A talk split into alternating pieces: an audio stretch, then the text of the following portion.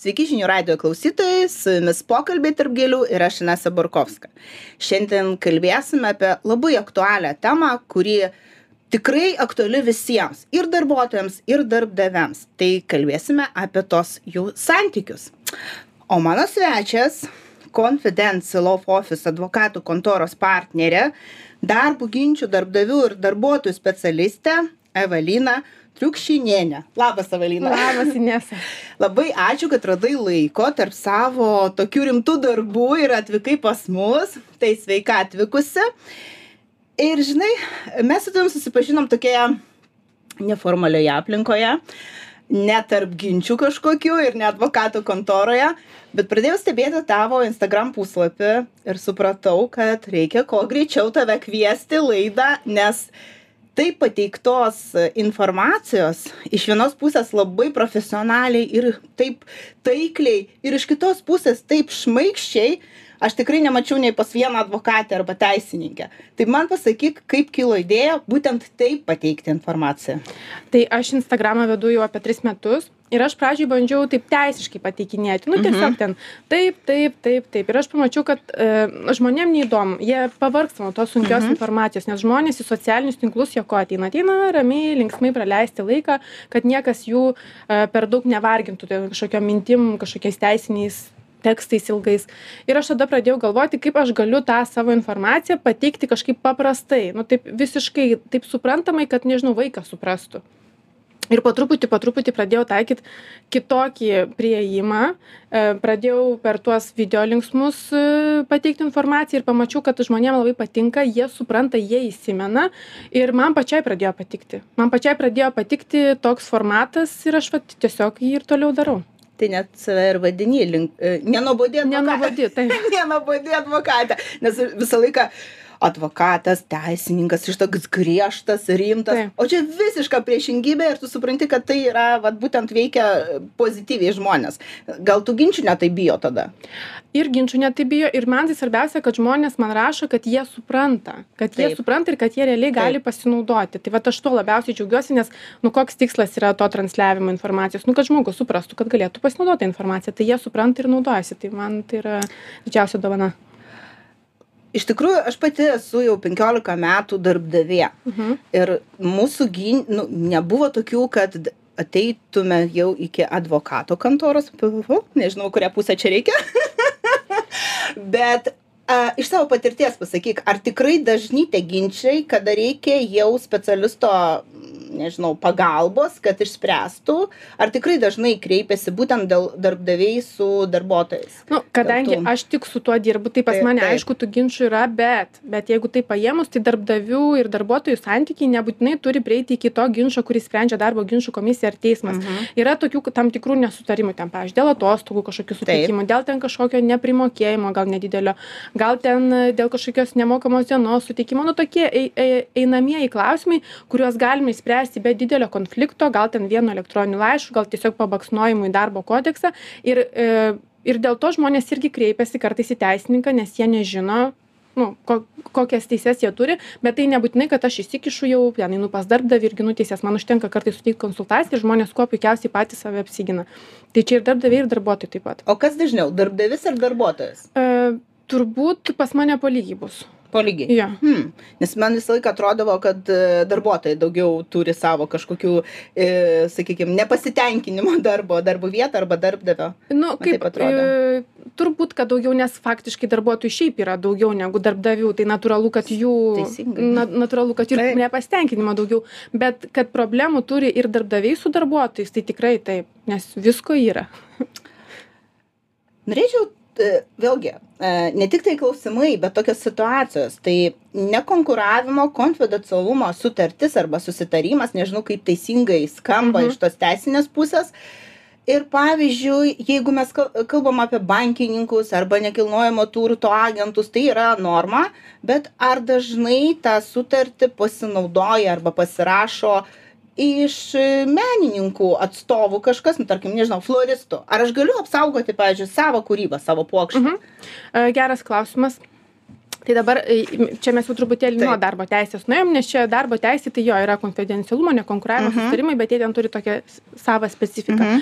jeigu mes kalbam apie menininkus tai menininkai jie yra tokie laisvai dirbantys asmenys Taip. paprastai kokia individualia veikla gali užsiimt gali turėt kokią savo mažą bendriją ir be abejo kad jie turi teisę tarpusavy jeigu jie vykdo kažkokią bendrą veiklą ar kažkokį verslą kartu vykdo ar planuoja vykdyt jie turi teisę ir galimybę pasirašyti konfidencialumo susitarimą ar sutartį jokio skirtumo kaip pavadinsi ar nekonkuravimo kažkokį susitarimą atskirą ar vieną kaip bendrą dokumentą. Ir pavyzdžiui tarkim aš turiu kažkokią idėją ten pavyzdžiui sukurt kokį nors meškiuką kuris ten kalbės bet jinai tik idėja. Bet man tarkim reikia kito menininko kuris galbūt apipavidalins kitas gal man ten kažkokią nežinau parinks dar ten kažką. Nu ir man reikia vat kitų žmonių pagalbos. Bet mano idėja kaip tokia jinai nėra saugoma įstatymo nes nu jinai tiesiog yra nemateriali tai vat tokiu būdu aš konfiden konfidencialumo sutarties pagalba arba ten nekonkuravimo sutarimo ar tuo bendru bendru tokiu susitarimu jų pagalba aš galiu apsiginti savo teises numatant kad pavyzdžiui aš jum atskleidžiu savo idėją jūs neturite teisės jos nei naudoti nei kitiem atskleisti nei patys kažko panašaus kurti ir jeigu jūs tą darysite tai ten man mokėsite tokią ir tokią baudą. Tai tai yra labai paplitusi praktika versle ir jinai gali būt ir tarp menininkų ir tarp bankininkų ir tarp nt agentų visiškai vienodai taikoma Nes, tarkim, tarp bankininkų yra, arba ne tik, aš tiesiog taip sakau, gal, gal dažniausiai girdėtas man to, tokios situacijos, kai, tarkim, išeinant iš darbo, tu negali tęsti tos veiklos tam tikrą laiką. Taip. Ne? Yra, yra toks. Jo, tai čia jau yra darbo santykiai, yra toks nekonkuravimo susitarimas su darbuotojais, kur gali būti, kad darbuotojui yra, tarkim, draudžiama užsimti tą pačią arba panašią veiklą arba dirbti pas konkurentus tam tikrą laikotarpį, bet už tą laikotarpį darbdavys privalo darbuotojui mokėti tam tikrą kompensaciją, kuri negali būti mažesnė negu 40 procentų darbuotojo darbo užmokesčio. Tai čia yra tokia specifika darbo santykiuose. Jeigu mes kalbėsim apie menininkus, tai šitos kompensacijos nėra įstatymė numatyta, nes menininkam darbo kodeksas, jeigu jie dirba ne pagal darbo sutartį netaikomas, jiem civilinis kodeksas taikomas, tenais tokios taisyklės nu, nenumatytos. Tai Tai čia visiškai skirtinga specifika, bet taip su, su darbuotojais galima tokias sutartis pasirašyti. Nu, sakykime, menininkai taip, bet tarkim, floristai dažniausiai vis tiek dirba pagal darbo sutartį, dažniausiai, Mhm. ne visada. E, ir, tarkim, pas mus būna dažnai tarp mūsų kolegų, mes tai pasišnekam, kaip apsaugoti save, kaip darb, nu, darbdavę. E, nuo tų darbuotojų, kurie nori gal e, taip negražiai elgtis ir dirbti ir pas tave, ir Mhm. dar e, šalimais turėti e, tą pačią veiklą ir naudoti, pavyzdžiui, tą atvaizdą, kurį sukūrė darbo metu, nu, Mhm. kim puokštę savo socialiniuose tinkluose arba kaip savo darbą. Jis pristato kaip savo darbą, nes, nu, aš sukūriau tą puokštę, Mhm. bet jis ne iki galo supranta, kad ta puokštė sukurta būtent darbo metu, tame salone priklauso tikriausiai tam Darbdaviui. darbdaviui. Taip, Tai taip, čia tikrai labai teisingai pastebėjai. Jeigu darbuotojas kažkokį su, sukuria kūrinį darbo metu, tai tas kūrinys paprastai yra priklauso darbdaviui ir jeigu darbuotojas nori kažkur savo socialiniuose tinkluose kelti tą kūrinį, tai be abejo jis pirmiausia turėtų atsiklausti darbdavio, nu, tą kūrinį, tą kažkokį, nežinau, puokštę, ne, jis turėtų atsiklausti darbdavio ir turbūt dar būtų labai sąžininkai, jeigu būtų nurodyta, kad tai yra, nu, tarkim, būtent tokio, tokio tai salono darbuotojo darbas. Tai būtų tada, nu, darbdaviui tinka, darbuotojui tinka ir abudu gali to pasinaudoti. Bet jeigu aš sukūriau pas darbdavi tam tikrą rezultatą kažkokį, ar puokštę, ar dar kažkokį, nežinau, nupiešiau kažkokį piešinį, ir aš išeinu iš darbdavio, reiškia, ir rodau kaip savo asmeninį ir dar reklamuoju savo paslaugas, tai, na, tai nėra labai teisingas elgesys. Tai vad tą apsaugoti, tai tikriausiai reikėtų darbo sutartyje. Ne, Sutartyje pridėti. nusimatyti, taip, dažniausiai ir nusimato, kad, kad reiškia, kas sukurta darbo metu lie- yra darbdavio nuosavybė, tai čia vienas dalykas. Antras dalykas, vat, su tokiais atvejais, jeigu tikrai floristai, pavyzdžiui, eina dirbti nus- ar individualiai, arba kažkur kitur, tai gal vėlgi svarstyti variantą su jais sudarinėti nekonkuravimo susitarimus, tik tai tiek, kad tada jiem reikia mokėti tą kompensaciją, tai automatiškai Mhm. išbrangsta nedarbo užmokestis. Arba arba dar per konfidencialumo įsipareigojimus irgi tam tikrą apsaugą tam tikrą apsaugą darbdaviai gali nusimatyti. Tai čia vat nes vėlgi kad nebūtų interesų konflikto darbuotojas turi vengti pirmiausia interesų konflikto. Jis negali am, dirbti pas darbdavį dirbdamas reiškias daryti kažko tokio kas ke- kenktų darbdavio interesams. Va, labai teisingai. Tai čia vat irgi yra viena iš pagrindinių darbuotojo pareigų, kur galbūt tada ir nereikia to nekonkuravimo susitarimo, bet vat, nu, tokias pareigas labai aiškiai aprašyti darbo sutartyje. Mhm, labai aiškiai, tikrai vat, vat tas, tas tikriausiai punktas, e, tikriausiai būtent ta situacija, kada kenkia, kenkia, nes, nu, paima tavo klientus, Nu, taip, e, dar taip. kažką, jeigu taip paprastai tariant. E, Dabar iš karto kil toks klausimas, kadangi vėlgi ir aš susiduriu, ir mano kolegos, e, kokią darbo sutartį geriausiai parinkti savo darbuotojui, e, nes gėlių, pavyzdžiui, gėlių salonuose tikrai labai e, dažniausiai yra ilgos darbo valandos. Mhm. Tai yra ne, ne penkių dienų darbo, darbo savaitė, o dažniausiai yra šešių arba Mhm. net ir slenkantis grafikas. Tai pirmas būtų klausimas toks, kom skiriasi penkių dienų darbo sutartis, šešių dienų darbo sutartis ir gal po to prieisim prie slenkančio grafiko. E, Iš esmės, ar penkių ar šešių dienų darbo sutartis tai skiriasi tik tuo, kad ilgesnė darbo dienų savaitė Mhm. ir bet daugiau praktiškai nieko ir nesiskiria. Atostogų daugiau priklauso. Taip, tai žinau. Jo, aha. ir viskas, nes šiaip vis tiek darbo laiko norma kiekvieno darbuotojo, jeigu jinai yra nesutrumpinta, yra 40 valandų per savaitę. Tai jeigu išdėstysi laiką per 6 dienas, tai vis tiek reikės tos 40 valandų, tik tai 40 valandų turi. Tai reiškia, Mhm. kad tavo darbo dienos bus trumpesnės kiekviena darbo diena. Nu, tai čia, jeigu yra poreikis dirbti 6 darbo dienas, ok, bet vis tiek tu turi tilpti 40 valandų. Tai tokiu atveju, kai ilgos darbo valandos yra reikalingos, tai turbūt galbūt e, naudingiausia yra nusimatyti tą vadinamą slenkantį grafiką arba suminę darbo laiko apskaitą, kada galima tos darbuotojus paskirstyti pakankamai ilgom pamainom. Taip. Aišku, reikia juos keitalioti, bet tada gali Taip. dėti juos pakankamai ilgom pamainom ir tų viršvalandžių išvengti. Tai vad, būtent, jeigu mes neišvengiam viršvalandžius, kaip iš tikrųjų, nes tikriausiai nieks iki galo nežino, kaip skaičiuojami viršvalandžiai. Čia visada, visada labai toks. Ar dirbant ginčas. pagal suminę darbo laiko apskaitą, niekas nežino. Taip. Tai yra labai paprastai pagal suminę. Yra taip, viršvalandžiai dviejų, dviejų tipų skaičiuojasi. Nu, kaip nes grafike, š- ten penktadienį dirbs nuo 10 iki 6 valandos. Ir jeigu Inesa š- penktadienį dirba iki 7 valandos, tai jinai jau dirba 1 valandą viršvalandį. Nes viršvalandis yra tas darbas, kuris yra ne pagal pamainą, ne pagal grafiką. Reiškia, jau Mhm. vir, 1 valandą turim. Tai čia vieni viršvalandžiai. Ir kiti viršvalandžiai yra taip, jeigu pas mane yra suminė darbo laiko apskaita, tai reiškia, kad yra apskaitos laikotarpis numatytas, ten kokie gali būti 2 mėnesiai, dažniausiai 3 mėnesiai būna. Tai reiškia taip, kad aš kiekvieną mėnesį duodu darbuotojui darbų ir tai gali būti, pavyzdžiui, vieną mėnesį jis ten, tarkim, dirba, nu, sakykim, ten 180 valandų, kitą mėnesį jis dirba 140 valandų ir dar vieną mėnesį dirba 150 valandų. Tada aš visas tas valandas sudedu Ir dalinu. ir dalinu iš trijų, net, net nu, ir žiūriu, su- sudedu jo faktinės valandas, sudedu, kiek jisai galėjo išdirbti ir žiūriu, ar man gavosi viršvalandžiai ar nesigavo. Ir tada, jeigu gavosi, aš primoku kaip viršvalandžius. Jeigu man nepri, neišdirbo visos darbo normos, nes darbo norma 40 valandų, kaip ten bebūtų, net ir sumininkam, tai tada aš užmoku už tą nedadirbtą laiką pusę jo darbo užmokesčių. Vat, ir viskas, su viršvalandžiais paprastai. Tik tai momentas su viršvalandžiais yra tas, kad a, ne kiekvienas darbas yra viršvalandžiai. Pavyzdžiui, jeigu floristė, tarkim, pas jūs dirba darbe ir jai, pavyzdžiui, taip patinka daryti tas gėlės, kad jai, vat, nu, tarkim, baigėsi 6 valandą darbas, o jinai dar ten kažką tvarkosi, kūčiasi. Taip, taip. Ir darbdavys jos nei prašė, nei nurodė, nei nieko. Čia ne viršvalandis. Labai dažna situacija. Čia ne viršvalandis. Viršvalandis, kai yra darbdavys sako, va, Inesa, šiandieną reikėtų, kad tu padirbtum. Arba viršvalandis yra, kai, nu, tarkim, duodu tiek darbo tam darbuotojui, tiek padaryk, padaryti pokščių, kad aš tikrai žinau, kad jis nespės.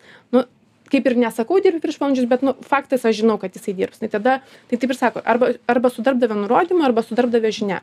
Jeigu to nėra, čia ne viršvalandis. Jeigu aš tiesiog sėdžiu po darbo, nes man patinka, arba aš ten, nežinau, nu, tiesiog atsėdžiu, tai už tai darbdavys neturi mokėti. Turim tokių darbuotojų. Džiaugiuosi, kad yra tokių darbuotojų, kuriems patinka tiesiog, bet turim ir tokių, kurie Įsigyti. minutė, minutė, cigai, cigai, labai geras pasakyta, bėga pro duris. Uh, bet iš tikrųjų labai įdomu ir tas būtent ta praktika, e, kadangi jeigu jisai dirba pagal darbo sutartį iki 8, sakykime, Mhm. vat, nuo, nuo 8 iki 8 yra slenkantis grafikas, jo yra darbo valandos, pavyzdžiui, ilgos 12 valandų ir jisai 8 valandą baigia darbą. Mhm. Ir sako, aš iki 8 dirbu, aš 8 jau užrakinu duris ir išeinu. Tai yra tas pasiruošimo prieš darbą ir po darbo jis eina į užmokestį, į darbo valandas. Į darbo Į valandas. darbo valandas. Mhm. Tai jeigu jisai iki 8, reiškia 8, jisai pro duris. Nes kitų, kitų atveju reikia mokėti. Viskas aišku, reiškia taip, viskas. Jo, tada da, realiai darbdavys turėtų planuoti savo darbo laiką taip, kad, reiškia, darbuotojas, nu, nedirbtų ilgiau, arba ten pasiruošimą įskaičiuoti, arba ten truputėlį vėliau atidaryti parduotuvę, kad mhm. darbuotojai spėtų pasiruošti, jeigu jie, nu, nori, kad viskas tvarkingai būtų, ne kad ateina klientas, o čia darbuotojas nusirengia. Taip, taip, taip, taip. Bet jeigu, tarkim, kaip pavyzdys, e, eina darbo, e, ar pri, privaloma būti, e, nu, sakykime, privaloma pagal tai, kas skaičiuojama, den, pietų pertrauka, ne? Jinai tikrai privaloma, Bet ar gali, pavyzdžiui, atsisakyti tos pietų pertraukos darbuotojas? Ne, darbuotojas. Žiūrėk, kodeksas taip paprastai mhm. sako, pietų pertrauka privaloma, išskyrus atvejus, kada dėl gamybos kažkokios arba ten dėl specifikos, dėl darbo organizavimo specifikos neįmanoma, kad būtų ta pertrauka. Tai, pavyzdžiui, ten gali būti kokia gamykla, kur ne, nu, negali sustoti darbas ir negalima ten tų pamainų taip suskirstyti, kad kažkas pailsėtų. Tai yra įmanoma iš vis, kad nebūtų pietų pertraukos, sudarant galimybę darbuotojams pavalgyti tiesiog darbo metu bet taip kad darbuotojas pats atsisakytų tai nenumato darbo kodeksas tokios galimybės. Jie aš žinau kad jie nori. Nu aš čia nori, truputėlį nepavalgysiu bet aš reiškias išeisiu anksčiau. Tai ne yra darbo valandos. Darbdavys jas nustatė. Jam tos valandos yra svarbios. Tai dar dar darbdaviui nereikia kad tu atidirbtum ten lygiai aštuonias. Gal darbdaviui kaip tik reikia kad tu būtum nuo aštuonių ten iki aštuonių nes klientai ateina tuo metu. Taip. tai o kad tu ten pataupysi, nu tai taupyk, prašom. aš, nesu, aš tikrai būnvo ir tokių situacijų, aš neišnaudoju savo, ar galiu neišnaudoti savo, sakykime, pietų pertraukos ir išeiti anksčiau. Tai va, tai būna ir tokių situacijų. Geranoriškai viską galima. Ta prasme, geranoriškai darbdavys su darbuotoju gali susitarti, kad ir šiaip anksčiau išeitų, mhm. jeigu darbdaviui tinka, bet e, jeigu taip įmant iš teisinės pusės, tai tokios atsisakymo galimybės nėra, nes pietų pertrauka jinai nėra savitikslė. Jinai yra tam, kad darbuotojas truputėlį irgi atsitrauktų nuo darbo ir palisėtų. Dėl to ir laikas jos yra minimalus pusę valandos, dėl to jinai ir ten turi būti suteikta atitinkamų laikų. Čia nėra šiaip, kad tiesiog, vat, e, nu, taip sugalvota. O kaip dėl tų trumpų pertraukėlių, priklausomų pertraukėlių? Paprastai jos yra darbo laikas ir už jas mokamos. Taip, paprastai. jos yra darbo laikas, jos mokamos, bet ar, e, sakykime, kaip nu, nustatyti tai, kad, nu, tarkim, dar, darbuotojas vis tiek negali savo darbo vietos palikti? Vat, e, uh mhm. -huh. Kaip, kaip e, tą situaciją spręsti? Nes, nu, iš tikrųjų, parduotuvę, žinoma, visada gali ten penkiom minutėm, tai yra normalu tų, tų penkių minučių reikia. Bet kartais piknaudžiauja darbuotojai tikrai ir sako, man priklauso. Taip, bet žiūrėkit, jeigu pietų pertrauka labai aiškiai pasakyta, kad galima palikti darbo vietą, tai kituose pertraukose tai nereiškia, kad jeigu tavo pertrauka, tai tu palieki darbo vietą. Mhm. Tarkim, pavyzdžiui, yra tos pertraukos, kur kas, kas dirba su video terminalais prie kompiuterio, ne, kad ten kas valandą 50 minučių. Taip. Tai nereiškia, kad dabar aš išėjau į lauką ten ir nedarbę, tai aš atsistoti turiu ir nedaryti savo darbo funkcijos. Gal aš kažkur pasivaikščiosiu, gal ten arbatos atsigersiu. Nereiškia, kad aš išeinu kažkur. Teisingai, nes kavos gerimas taigi irgi. Taip, taip, taip. Tai ta prasme, čia yra, arba tu gal mankštą padarysi, kad sveikata būtų geresnė. Čia kaip, tu, kaip, kaip pasirenka, bet išeit, palik darbo vietą, tai įstatymas sako da, e, per pietų pertrauką. E, gerai, kaip su tais sekmadieniais ir švenčio dienomis? Dvigubas? Tai sekmadienis jeigu dirbant pagal suminę darbo laiką tai tokia pati gali būt darbo diena kaip ir bet kas.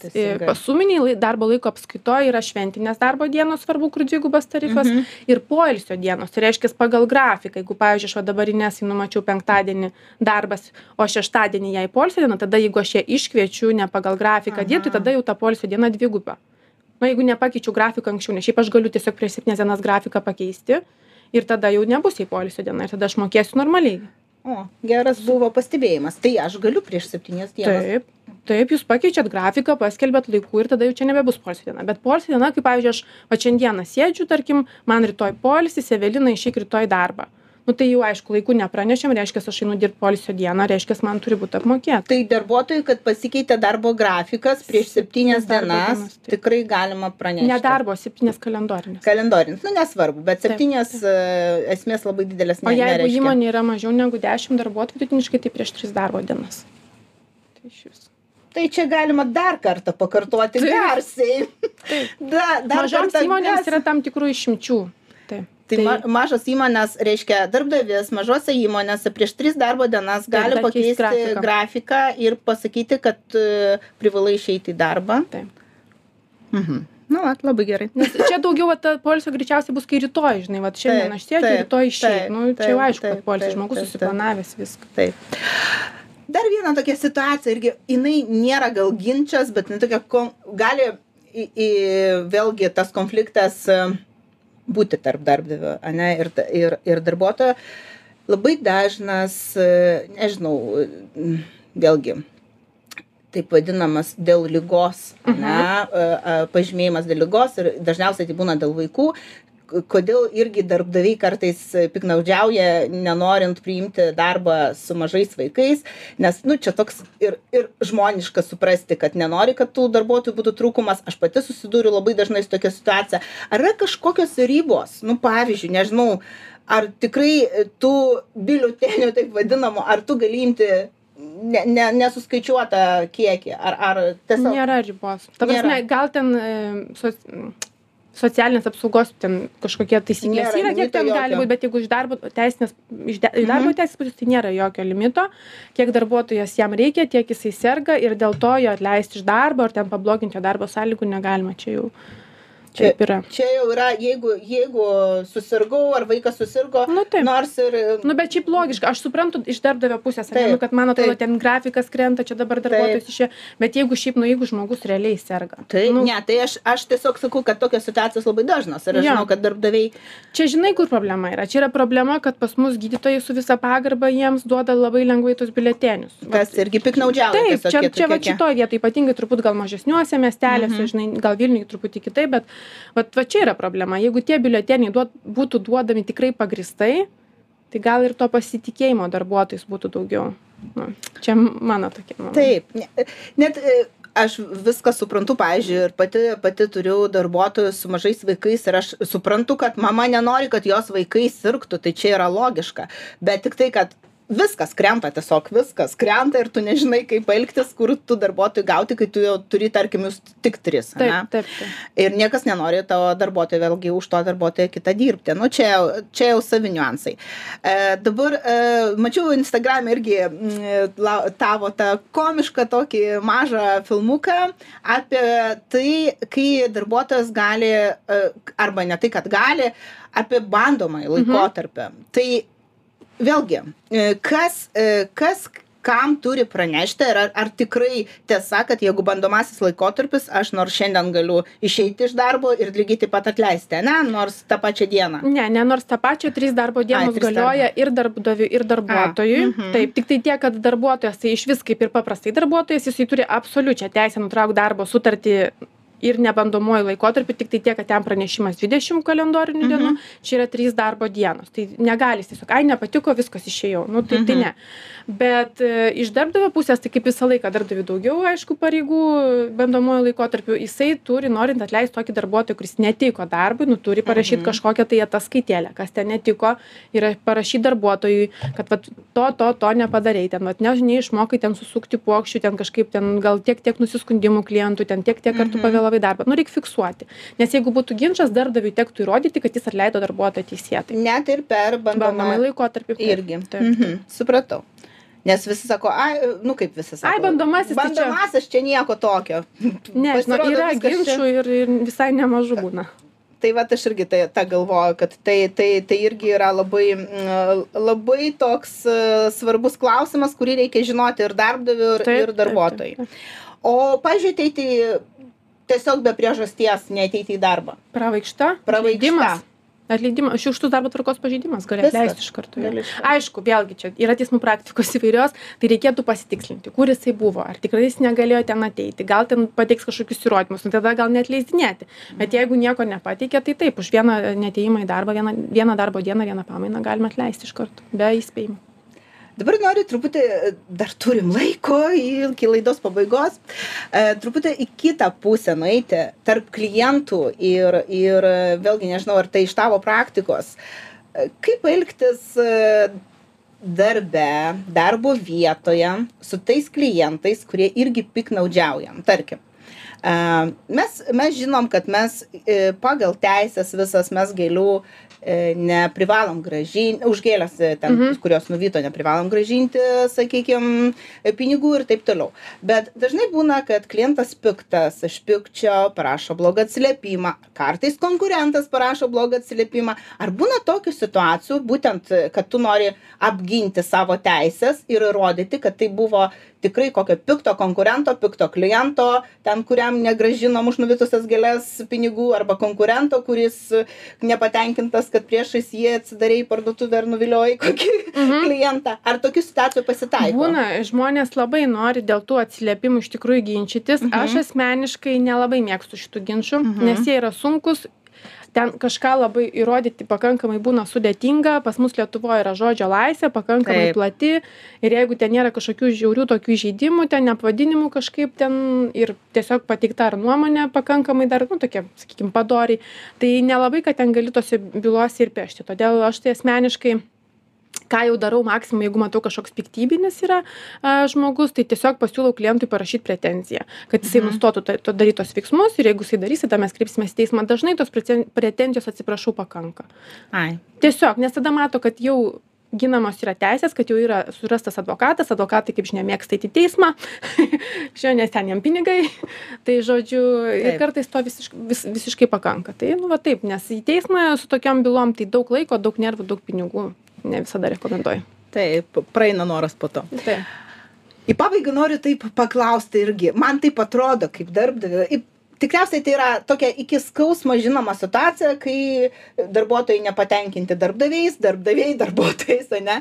Bet man kaip darbdaviui man visą laiką atrodo kad tų teisių kurios saugo da darbuotojus yra tikrai daugiau negu tų teisių kurias saugo darbdavį. Ar aš teisi nežinau.